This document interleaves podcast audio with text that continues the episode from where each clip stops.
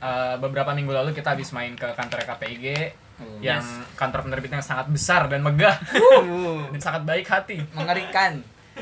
Katanya nggak usah terlalu memuji kemarin.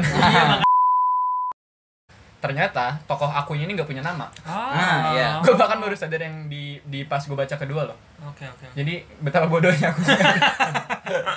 Jadi eh, ini ada tokoh Bagus ya sadar diri. tokoh aku di, eh, ini tuh kayak ibarat diarinya aku kali ya diarinya aku sama Ah. 119 halaman ini terus nyeritain eh, pacarnya aku temennya aku terus mantan mantannya aku sama kisah hidupnya yang sebenarnya tuh sederhana cuma Ah. kalau lu baca tuh kayak ada beberapa hal yang sederhana tapi kok ditafsirinnya beda-beda gitu Gue merasa sosok aku itu beneran nyata gitu. Oh, Oke. Padahal ternyata fiksi anjing dan itu jebakan banget. Sumpah lu kalau baca buku itu lu bakal terjebak dengan berbagai macam jebakan di buku ini.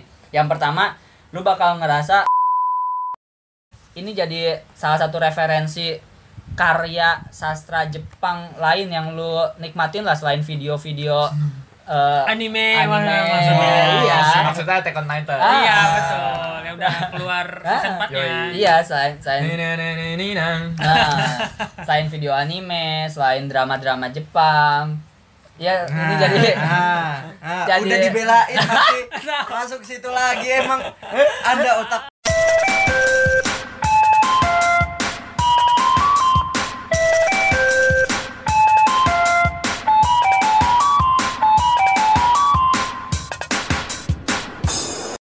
Selamat datang di Mapaba, mari pada baca. Yes. Cuy cuy cuy cuy. Cek cek Satu. Satu. gimana gimana? Ini adalah episode kita yang terbaru. Yes. Woi. cek Mantap. Aneh banget Ilham. Satu. Dia udah tahu. satu menit ya gini Opening sampah. dia didengar KPG. Ah. Oke. Nih kita mau bahas buku apa nih, Bang? Eh, basa-basi dulu kali ya? Iya kita Iya, basa-basi iya, dulu iya. dong. basa-basi dari gua dulu dong oh kita doain Gondes dulu lah Oh iya. Oh iya. Semoga jadi kita rekaman berempat Ah. nambah satu orang Iwin adisional Intern, intern. soalnya Gondes lagi karantina Iya. kita Oh, lagi doakan karantina. semoga baik-baik saja Amin. dan Amin. keluarga juga sehat Amin. Amin.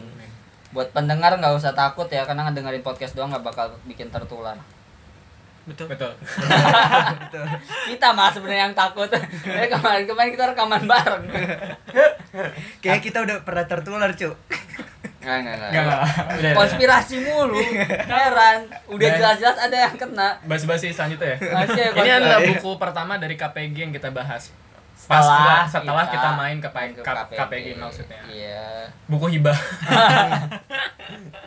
Kalau gue bukan hibah, gue waktu itu beli Oh mantap. awal tahun. Oh. Gue dari Nyesel kan? KPG. Oh, itu yang yang gua nggak diajak itu ya? Hey, Yang semuanya gua- diajak. Gua inget, gua ing- ngasih inget berapa kali. Yang gue ditinggalin kan? Jadi untuk yang belum tahu kemarin eh, beberapa minggu lalu kita habis main ke kantor KPIG Hmm. yang kantor penerbitnya sangat besar dan megah Uh. dan sangat baik hati. Mengerikan. Katanya nggak usah terlalu memuji kemarin. Iya makanya lu menyuji banget. Harusnya kemarin gua harus bikin vlog nih KPG ya, jadi kan kita share Oh juga iya, di room room tour. Iya, tapi kemarin nggak nggak sempat karena kita sibuk sendiri. Ya udah berarti kita Sibuk- sibuk kita merampok. studio kita ya. Sibuk merampok buku. Hmm. Room tour jangan room tour studio nanti aja. Udah dikasih spoiler tuh, berarti terbitan KPG tuh. Betul. Oh, iya dong. Yoi. Apa nih, Bang? Ada spoiler lagi nggak? Mau kasih spoiler lagi nggak? Spoilernya kayak abis ini kita bahas buku KPG setahun. Penulisnya dari Jepang. Nah, Hmm. spoiler lagi. Apa, Plank? Bisa nebak nggak? Covernya biru. Nagasaki, Nagasaki. Apa Nagasaki? Covernya biru kuning. Nakamura, Apa Nakamura. tuh? Kan. Kakek kakek kakek. Cek. Iya. Apa, Cuk? Udah langsung aja. Apa, langsung aja, Cuk. Nah, kasih tahu. Iya. Bukunya adalah judulnya Dengarlah nyanyian angin dari Haruki Haruki Murakami. Murakami. Wih, ini Hmm. Anak sastra banget. Hmm. Kita kita ini jadi kajian sastra ya. nah. Berat banget anjing. Nih biar biar pendengar tahu eh, pemateri pemateri yang ngomong banyak nanti adalah Ilham sama Rega pencerita Pencerita. Aduh, magang maklum ya. Ah, guys. aku intern kakak aku intern Kenapa istilah pencerita? Karena di sini kita nggak ngerti-ngerti amat. Ya, Itu cuma menceritakan setelah kita membaca buku, terus kita cerita tuh gimana bukunya. di kita Hmm. breakdown ya Yoi. Kan sebelumnya ini kita pernah rekaman Murakami ya, iya Nah, dan dengan anak sastra beneran. sebelumnya buku sebelumnya tuh Kafka on the, Kafka on the Shore, Shore. karya Murakami juga dan itu karya yang cukup terkenal lah di Murakami dan Hmm. Murakami ini juga penulis terkenal banget bre di Mhm, mhm. kalangan sastrawan tuh ya udah Wangi ya, lumayan wangi dia ya, wangi wangi lah ya. dari Asia juga kan dia dari Jepang Iya. kita bisa aku orang Indonesia juga merasa terwakilkan Kenapa, Cuk? Nippon Cahaya Asia bre Astaga. Masih loh. masih loh diingat Gila, memang kolonialismenya memang Rega lahir tahun 1920 Iya, jadi parah. mengalami banyak Hmm.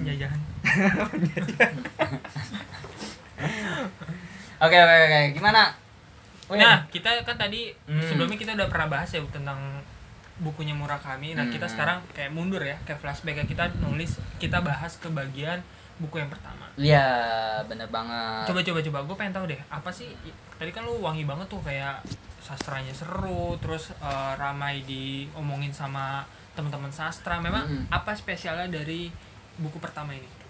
Eh, kalau yang tadi sebenarnya yang banyak diomongin itu si Murakami ya. Kalau Oh, iya, buku pertamanya ini malah gue banyak gue coba search juga kan di Google review-review buku Murakami ini ternyata nggak apa ya beberapa orang bahkan yang yang apa yang pernah baca buku ini malah katanya nggak terlalu responnya nggak terlalu positif ya Ham ya Hmm. mungkin karena emang buku pertamanya ya tapi gua sih ini juga ini tuh buku pertama gua buku Murakami pertama gua yang gua baca Oh, oke. benar-benar buku pertama Murakami pertama yang gue baca karena dari kemarin pengen beli Murakami tapi mahal terus kemarin dapet tiba dari KPG alhamdulillah banget terima kasih KPG nah Kelihatan susah. Mendengarkan terima kasih pakai KPG selama satu jam. nah dengarlah nyanyian angin ini eh keren buat buku pertama ya Oke. karena anjir lah gitu apa ya gue gue tidak bisa berkata-kata gue ekspresi gue apa ya Ini Karena- lah, padahal Rega tuh baca puisi tapi keterbatasan kata itu Diksinya rendah. Ya, karena buku ini tuh sastra eh gua gua tadi ngecek juga kan aliran Murakami itu kan bisa dibilang surrealis ya. Oh iya, Jadi dia tuh meng- mengkolaborasikan antara eh, kenyataan. kenyataan dengan imajinasi. imajinasi. Nah, khas Jepang banget lah. Kita tahu kan terkenal sama sama segala macamnya. Nah, Murakami ini juga seperti yang udah gue bahas di Kafka on the Shore nih. Kemarin kan dibahas juga tuh. Nah, khas dari Murakami itu waktu pas gue bahas Kafka on the Shore kata pemateri penceritanya penceritanya itu katanya pasti ada kucing, Mhm. ada eh, musik, terus ada referensi-referensi buku. Dan ternyata pas gua baca ini, anjir bener. Oh jadi memang di di beberapa buku Murakami ini selalu ada Bukan unsur-unsur- beberapa semuanya. Oh semuanya memang ada Hmm. unsur-unsur Semua- itu ya. Ada Oh, ada oke. unsur itu, ada kucing. Pokoknya pasti ada ada pembahasan yang ngomongin kucing, Aha, ada yang ngomongin eh, apa musik, aha. sama ngomongin buku atau kutipan-kutipan dari filsafat atau Oh. buku lain gitu kayak gitu. Nah, itu kenapa? Hah? ya itu emang stylenya dia. Oh, dia stylenya jadi dia. dia tuh selalu selalu ada unsur itu dan dan gua kira tuh itu baru muncul di buku-buku kesekian tapi ternyata dia konsisten dari buku, buku pertama. awal ya, Ah. dari buku awal udah ada. Hmm. Hmm. Itu sih kalau apa dari- lu lu lirik-lirik gua Gue nunggu pancingan. Berarti emang dia yang merhatiin Murakami banget ya? Iya, siapa dia? Itu yang waktu itu. Oh iya, iya iya, yang pencerita. ini kan pasti denger nih. Ah. Kan bahas Murakami soalnya. Nah, Murakaminya Murakami banget tuh. Murakami banget. Murakami banget karena emang emang ada ada istilah Murakami tulisan Murakami tuh ada istilah Murakamis istilahnya tuh. Jadi buat penulis-penulis yang punya gaya gaya tulisan kayak Murakami itu di, di- Oh. jadi saking saking apa ya? Saking jadi junjungannya lah junjungan di eh, persastraan dia tuh jadi punya aliran Ah, sendiri. jadi eh, bukan bukan dia menciptakan ya nggak kayak Lia Eden ya bikin aliran sesat. Tapi dia tuh kayak ya oh, penggemarnya tuh bikin istilah ya kalau tulisannya kayak gini tuh murakamis banget tuh Murakamis ya. banget. Nah, karena gayanya tuh gaya murakami. Kalau misalkan di buku ini kan tadi banyak tuh faktornya tuh kayak ada kucing, terus Hmm. ada musik-musik Unsur, modern. bukan faktor. Oh iya benar ada unsur. Eh yang buat di buku ini tuh kucingnya Nah. di bagian mana sih? Anjing juga. Pecah banget. inilah Bagus kenapa kita kita harus brainstorming Kita tapi lu belum nanya gua Win Oh, iya. buku ini Oh iya benar. Oh iya benar. Bentar, bentar dulu, bentar dulu. bentar dulu bentar nih apa nih ini novel ya?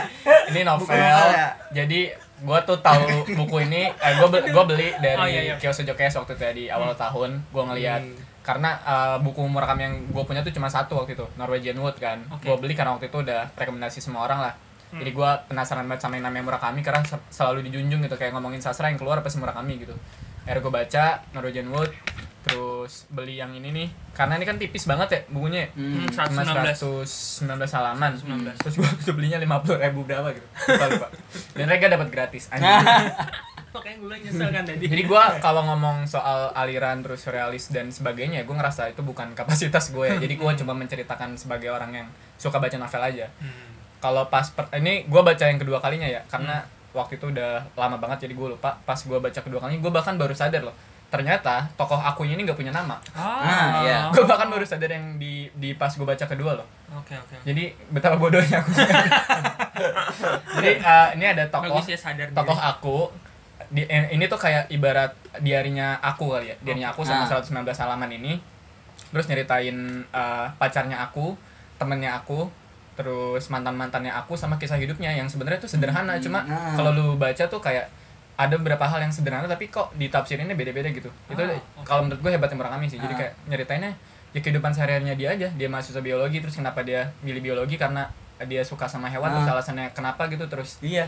kayak apa sih alasan ini gini doang Hmm. anjing Oh, dan jadi yang dari du- dua hmm. buku ini yang gue pahamin yang gue sadar ya adalah eh, kesannya ketika baca karya Murakami ya sepi aja sih sepi muram terus kayak kesepian gitulah dan ini kan cerita Hmm. tentang oh ya banyak di Murakami juga itu cerita pas tentang tentang pemuda lah pemuda-pemuda Jepang lah kan Hmm. Murakami tuh kalau nggak salah lahirnya tahun 50-an ya Hmm. jadi eh, kalau dilihat dari eh, fasenya tuh kan Jepang tuh udah, ny- udah nyerah kan udah nyerah sama Amerika kan di perang dunia Hmm. langsung berbinar kan ngomongin perang. Jadi dia hidup di masa peralihannya Jepang lah. Pas pasca udah dijajah dan mulai masuk kalah perang, modernisasi mulai ya. masuk modernisasi dan mulai masuk Hmm. unsur-unsur barat gitu. Jadi Hmm. di sini tuh Hmm. yang selalu ciri khas dari karya-karya Murakami ya adalah itu uh, uh, tubrukan antara Hmm, dua akulturasi. budaya lah Ah, budaya barat dan budaya timur gitu kayak di sini beberapa yang gua lihat yang nyata banget tuh ada yang Hmm. lu inget nggak gak yang soal nyemir sepatu Iya iya ya iya. kan di Ah. satu sisi dia harus nyemir nyemir sepatu konsep- bapaknya. eh, bapaknya gitu tapi di satu sisi juga dia ngikutin budaya-budaya barat lain gitu Iya, Jadi iya, kayak di situ eh, apa ya terus yang satu lagi yang tentang aborsi itu kan Iya, kalau kita mamain kan aborsi kalau di Indonesia buset lu aborsi gitu kayak kita bakal dihakimin banget kan tapi di situ Hmm. kayak tokohnya ya biasa aja habis Hmm. aborsi ya udah. Iya. Budaya Padahal Asia baru, padahal. ini kan novelnya juga di tahun 79 kan Iya. jadi kalau kita pahamin daerah itu kayak anjir aborsi berat banget tuh sih Iya iya benar benar benar. Iya tadi gua eh, nambahin juga jadi emang khas Murakami itu emang di setiap nggak tahu ya apa di setiap novelnya tapi kata eh, pas gua bahasa Kafka on the Shore pun emang dia tuh pasti membenturkan kedua kebudayaan Hmm. antara budaya Eropa budaya Barat dengan budaya Timur akulturasi budaya gitu Amerika kali ya. ya bisa Ah, oke. bisa Amerika dengan budaya Timur yang Jepangnya itu jadi diben dibentrokan jadi eh, nggak ada tuh di sini. Ini novel lama loh.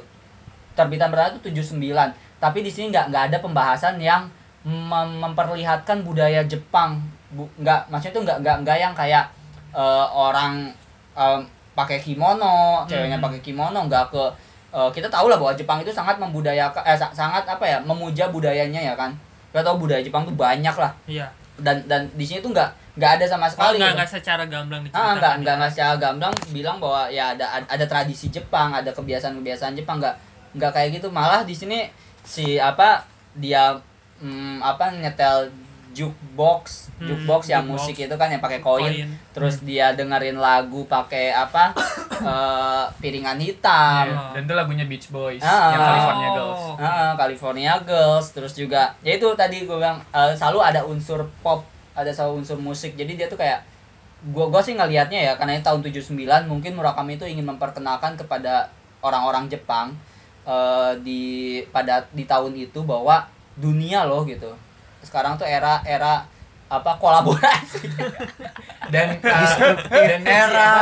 kalau baca Murakami tuh yang selalu, harus selalu tanyakan kayak gue tuh mikirnya anjir ini orang nih kok tahu semua hal gitu ya Ah. kayak kayak pengetahuan musiknya di barat di timur juga di Jepang tuh banyak banget kayak dia nyebutin musisi-musisi Hmm. apa sih tahun tahun 40-an terus di di belahan dunia mana gue nggak tahu gitu terus nyebut-nyebut buku-buku yang banyak banget gitu dulu gue inget banget gue beli Norwegian Wood tuh gue karena karena tertarik Norwegian Wood kan itu judul lagunya The Beatles kan Oh, Hmm. oke. Oh, gue iya, tertarik iya, karena iya. itu aja sebenarnya Hmm. oh ini ada hubungannya ini pasti nabi sama The Beatles kan Padahal nggak ada. ada kan? ada, Oh, ada jadi karena teringat lagu lagu itulah di di tokoh di Norwegian Wood itulah Hmm.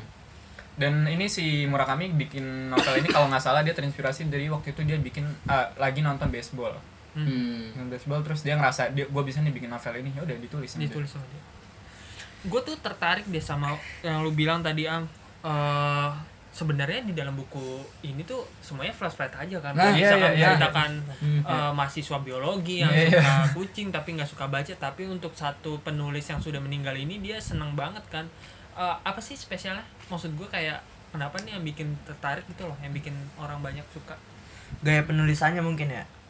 At- Atau gimana? ya udah jawab apa gue nanya. Soalnya soalnya gini, Bre. Eh, dari yang gue tahu gue gue nggak nggak nggak Iya, kenal gua, dengan gua, gua, gua mah kampret nggak baca banyak lah. Iya, cuma gua uh, karena dia aliran surrealisme dan gua uh, emang tokoh-tokoh klasik gue cukup menggemari. Uh, tokoh sastra yang bergerak di bidang surrealisme kayak misalnya contohnya kayak Frida Kahlo itu Hmm. salah satu seniman surrealisme terus Italo Calvino yang kayak gitu-gitu tuh. Dan itu tuh mempunyai satu kesamaan gitu. Itu dalam karya-karyanya dia tuh selalu menyajikan tuh penderitaan sebagai satu keistimewaan gitu kan. Nah gua nggak tahu nih di dalam buku ini ya gua uh, sedikit melanjuti pertanyaan Iwan lah. Di yang spesialnya tuh di mana? Apakah gaya penulisannya kah? Hmm. atau emang karena jalan ceritanya yang kuat? Karena kan lu bilang tadi jalan cerita itu flat banget gitu. Hmm. ya kan? Apa karena faktor itu tuh yang ga- gaya penulisannya atau gimana? Kalau gua sih yang gua rasain ya, yang Mm-mm. gua rasain ketika baca ini, gua nyaman sih baca buku ini dan kayak gua tuh kan bukan pembaca yang kuat ya sebenarnya nggak Iya, gua gua nggak iya gua tahu tuh nggak nggak nggak bisa baca yang sekali duduk langsung kelar. Tapi buku ini tuh pertama emang karena tipis Oke. dan kedua ter- karena ringan. Tadi kata Ilham pembahasannya tuh flat Oh. ringan. Jadi kayak asik gue baca tuh asik. Kayak seolah kayak gue tuh melihat dan gue gak tahu ya ini gue merasa me- ma- magis banget sih si buku ini tuh. Kayak gue meli gue merasa sosok aku itu beneran nyata gitu. Oh, oke. padahal ternyata fiksi anjing dan itu jebakan banget. Sumpah lu kalau baca buku itu lu bakal terjebak dengan berbagai macam jebakan di buku ini. Yang pertama lu bakal ngerasa eh, karena ini ya karena di sini tuh nggak nggak nggak ada batasan. Jadi kayak eh, ini tuh loncat loncat loncat loncat fase waktu. Jadi kadang dia mundur ngomongin eh, pantan pacarnya kadang dia Oh. maju ngomongin eh apa namanya ceweknya yang saat ini. Terus kadang dia ngomongin temennya dan karena kadang dia malah di akhir dia ngomongin penulis nyeritain masa lalu si penulis. Dan lu tuh nggak nggak nggak nggak pernah sadar ketika oh ini lagi ngomongin yang lain ya? Kayak gitu loh kayak ah, dia dia nggak nggak- ngas- ngasih ngasih satu satu eh, kondisi ketika dia mau ngomongin yang lain tuh ada ada ada ada titiknya di mana kayak kayak pembuka lah pembuka untuk masuk cerita lain Mhm. tapi lu nggak nggak ngerasa gitu ketika baca ini kayak Ha- anjing halus banget ya, iya halus halus banget ya. bener-bener kayak bahkan ini tuh bagian awal tuh dia nyeritain sosok aku yang lagi eh, kebingungan mau Hmm. nulis mau, mau bikin tulisan Mhm. ini kan di, di awal tuh ngomongin sosok aku yang mau mau mau, mau bikin tulisan Mhm. terus dia bilang eh, kalau lu nyari kalau lu nyari novel eh ini bukan bukan karya sastra ini bukan eh, karya yang indah. Kalau lu mau nyari karya yang indah lu cari aja novel-novel Yunani kata dia kayak Oh, gitu. oke, oke. kan eh, karena tulisannya itu bukan gue malah nganggap ini bukan sebagai tulisan tulisan sastra bukan sebagai novel tapi hanya sekedar catatan catatan harian. Ah, kayak gitu aja. Terus dari, dari situ tuh mulai masuk ke cerita. Eh parah banget dah sumpah. Jadi kayak ih, ini masuk cerita. Nah Bridgingnya enak ya. nah ya? bridgingnya enak. Terus di kayak terus gondes kayak gondes. Ah. Pokoknya Toto Toto masuk cerita ini dimulai tanggal 8 Agustus 1970 dan berakhir 18 hari kemudian. Itu udah masuk oh iya, cerita ini tuh. cerita sebenarnya cuma 18 hari Lupa. Nah, cuma 18 hari. Terus di akhir di akhir juga dia tadi kata gue dia ngomongin tentang penulisnya, penulis yang dia suka si Hartfield itu ya. Derek- Halford. Dan ternyata faktanya gue baru tahu dari Ilham juga tadi ternyata penulis itu tuh palsu aja. Emang yang bajingan, Fiktif. yang bajingannya tuh ternyata gue juga baru tahu Derek Harfield tuh tokoh fiksi Iya. Oh, ya. jadi dia, Oh. dia Jadi bikin- dia dia ah, nih ibarat di dalam novel ini menceritakan kalau dia tuh sangat terinspirasi sama tokoh uh, Hmm. Derek Harfield ini nih. Hmm. Gua menyangka Derek Harfield ini adalah penulis di dunia nyata Nyata. yang udah Ah. nulis banyak buku karena di buku ini juga ditulisin karya-karyanya. Ah. Ada salah satu cerita yang absurd banget nih ya. Ah, yang kayak dia terjebak di dalam satu lubang di pulau di planet Sumur, Mars selama Mars. 1,5 miliar tahun terus kayak dia muncul tiba-tiba gitu aja pokoknya ceritanya absurd banget lah terus dia mati tiga kali Ah. iya, kayak- tiga kali. gue jadi ngerasa oh ini nih dia terinspirasi sama tokoh dan si tokoh Derek Harfield ini dia uh, pokoknya di dalam cerita ini selama hidup dia nggak banyak yang kenal jadi dia bukan penulis terkenal gitu terus dia pas mati juga sebenarnya tuh tragedi tapi pas kar- karena kematiannya pun juga tragis nggak dikenal juga Mati bunuh matinya tuh diri. bunuh diri di uh, Gedung. gedung, uh, Empire State Building di New York Mhm. terus sambil tangan kirinya tuh megang foto Hitler kalau nggak salah terus tangan kanan megang payung gue lupa tangan kiri apa kanan kan Mhm. terus ya udah dikubur dan di dalam nisannya tuh ada quotes dari Nietzsche itu dari bukunya Nietzsche kayak Nah, kayak apa, ya, sih gua lupa. Absurd banget Ah. anjir dan gue kira ini tuh penulis beneran gitu loh dari Iya. Amerika ternyata bohong Berarti benar-benar surrealis banget ya kan tadi kan kalau misalkan kita omongin di awal surrealis kan bisa menggabungkan antara realitas Ah. sama fiksi lah ibaratnya. dan iya apa sih tadi kalau pertanyaan lo Win sama Kampleng gue nyebelin aja sih gue baca terus ini tentang apa sih terus tapi gue baca baca terus aja sampai Hmm. habis Ah, kalau kalau kalau lu tanya tentang Norwegian Wood kan gue mungkin akan jawab gue Ah. tertarik sama seksualnya ya ah. karena eh, kayaknya Kak Kurniawan juga terinspirasi dari cara nulisnya Haruki Murakami ya Iya, soal apa penggambaran soal akti- aktivitas seks lewat buku kan Iya. karena kalau lu baca Norwegian Wood tuh kayak lu bisa kali orgasme di Oh, dari Iya, buku iya, itu iya. Real Iya, banget Kalau ini kan buku pertama kali ya, jadi eh, aktivitas seksualnya itu nggak terlalu banyak di sini di buku Hmm. yang ini tuh. Be makanya gua agak agak ih kok nggak ada seks seksnya nih anjing. Beda karena beda, kan beda orientasinya ya. iya, karena Murakami tuh pa- pasti ada ada Oh. unsur dan seksnya. Nyebelin tuh cuma cerita dia eh, dari awal tuh kayak ketemu sama si pacarnya aku nih misalnya terus itu ketemunya cuma di bar Nah. di bar dia habis pingsan gitu terus si cewek ini jarinya juga ternyata sembilan ya kan satu kepot Jari satu kepot tangannya, jari jari tangannya tangannya. satu kepot Jarinya 19 dong. oh iya Iya, iya. Lu oke, bilang siap. 14 tadi. Oke, sip. Briefing bilang sip. 14. dia kepot, kepotong Oh, pas kepotong pas kecil gara-gara vakum cleaner terus ketemu Nah. sama temennya akrab bangetnya tuh si Nezumi, Nezumi. itu Nezumi di sini artinya tikus. Tikus. Nah. dia ketemunya di Jay's bar itu eh Iya, nabrak Jay's. mobil gitu ya kalau nggak salah dan Nabrak si pagar pagar. Nezumi adalah tokoh yang dia orang kaya banget tapi dia benci orang kaya gue nggak tahu Anti tafsiran kemapanan dia. anti kemapanan gue tuh tahu tafsirannya kayak gimana Stoik, kan stoik. dan dia juga bilang nggak suka baca buku tapi akhirnya jadi penulis bikin novel Hmm. banyak lah sebenarnya yang bisa ditafsirin Oh, sufi-sufi. kecil itu Anti cuma cuma kemapanan. cuma gitu-gitu aja ya Tapi Cerita. eh sebenarnya ya kalau misalnya kita kalau misalnya lu niat ya kayak gua misal gua niat mau nyari eh, kondisi Jepang pada saat itu tahun sekian gua rasa Iya. Murakami tuh adalah sosok yang yang yang menggambarkan ini sih problem eh, Jepang pada saat itu di Hmm. di novelnya karena di bagian belakang juga kalau misalnya lu baca nih eh, katanya eh dengan lain bercerita tentang anak-anak muda dalam arus pembenturan nilai-nilai tradisional dan modern di Jepang tahun 1960 dan 1970-an. Jadi emang buku ini tuh emang tujuannya emang pertama untuk pembenturan budaya iya budaya ya, akulturasi, akulturasi budaya, terus kulturasi asimilasi pelajaran sosiologi SMA Terus kalau gua sih ngelihat ada beberapa poin yang menurut gua di sini pertama eh, nilai feminisme yang diperlihatkan dari si sosok ceweknya aku ini yang dia kan aborsi tuh.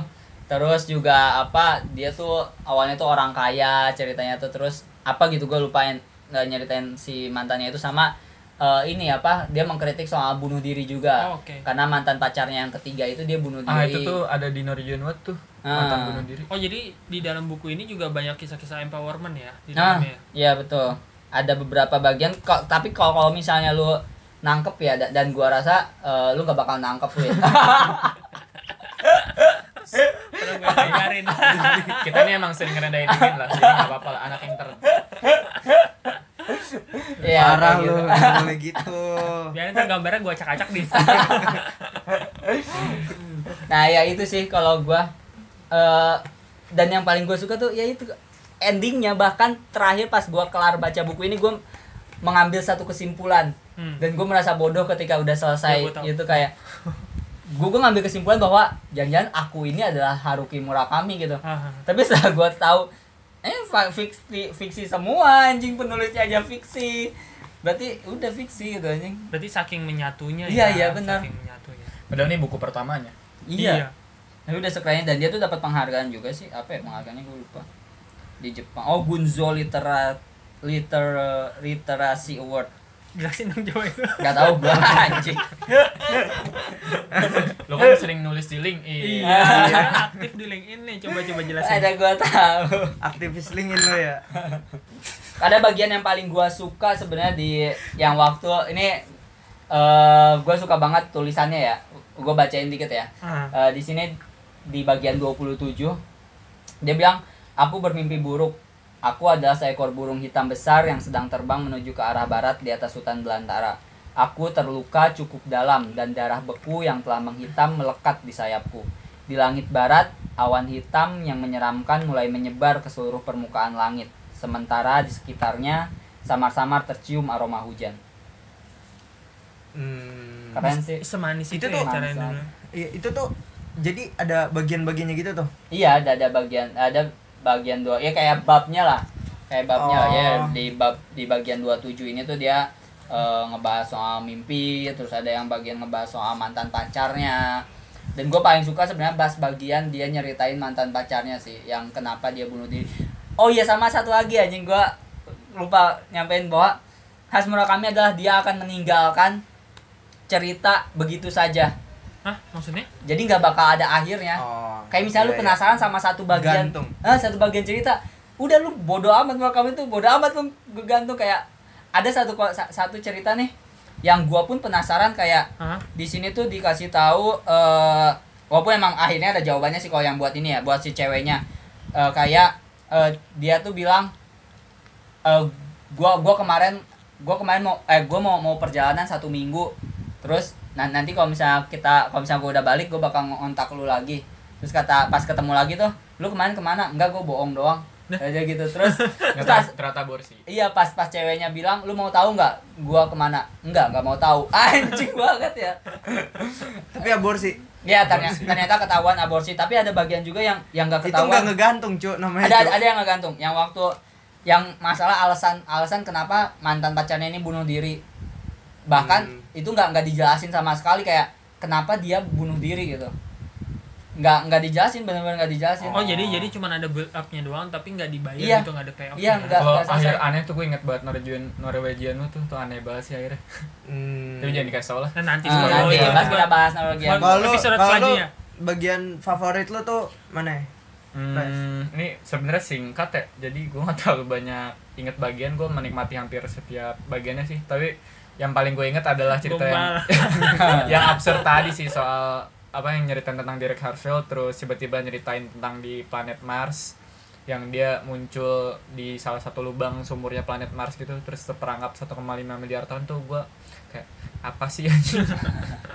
Tapi dari situ gue ngambil kesimpulan loh bahwa ya dari kata-katanya itu ya yang apa yang tadi lu bilang yang eh, untuk apa menulis sastra kalau oh akhirnya Yang bisa dibaca. yang kutipan ini ya di Ah, halaman yang si 92 Harfield yang gua tandain ini. Apa tuh kata dia lantas apa artinya menulis novel yang isinya sudah diketahui semua orang? Nah, Hmm. di situ tuh gue kayak ngambil kesimpulan anjing ternyata lu kalau mau nulis nulis sesuatu tuh nulis buku atau tulisan tuh ya lu punya beban gitu. Beban pertama lu harus bisa memberikan nilai dari buku itu dan juga lu ya ada nilai-nilainya lah kalau lu pengen nulis nggak kayak penulis satu orang Apa Ya, sih lu? Enggak ada lucu, enggak ada apa-apa ketawa. Seru sendiri tau ya itu lah pokoknya Iya. Nah, di, yang tadi yang gue bilang yang bagian eh, nyeritain mantan pacar yang bunuh diri tuh di endingnya tuh dia bilang kayak gini.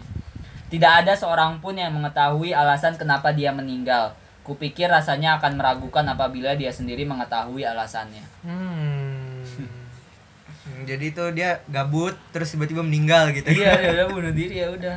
Nggak nggak diceritain anjing dan lu penasaran. Terus sama satu lagi, Bre. Dia tuh ada dia tuh jadi eh, dapat pesan dari radio kan ini jangan sejaman radio ya kayak titip eh, pesan apa namanya Oh pesan lagu. Pesan lagu, pesan lagu. Nah, Terus dia tuh- ada pesannya di belakangnya Nah, kan. dia dia tuh di sama orang radio tuh telepon lu dapat pesanan nih dari seseorang. dari grab Ah, pesan lagu California girl Girls. Girls, Nah, boys. terus katanya dia ada seseorang yang pernah ada di masa lalu lu. Terus dia mikir siapa ya, siapa ya? Hmm.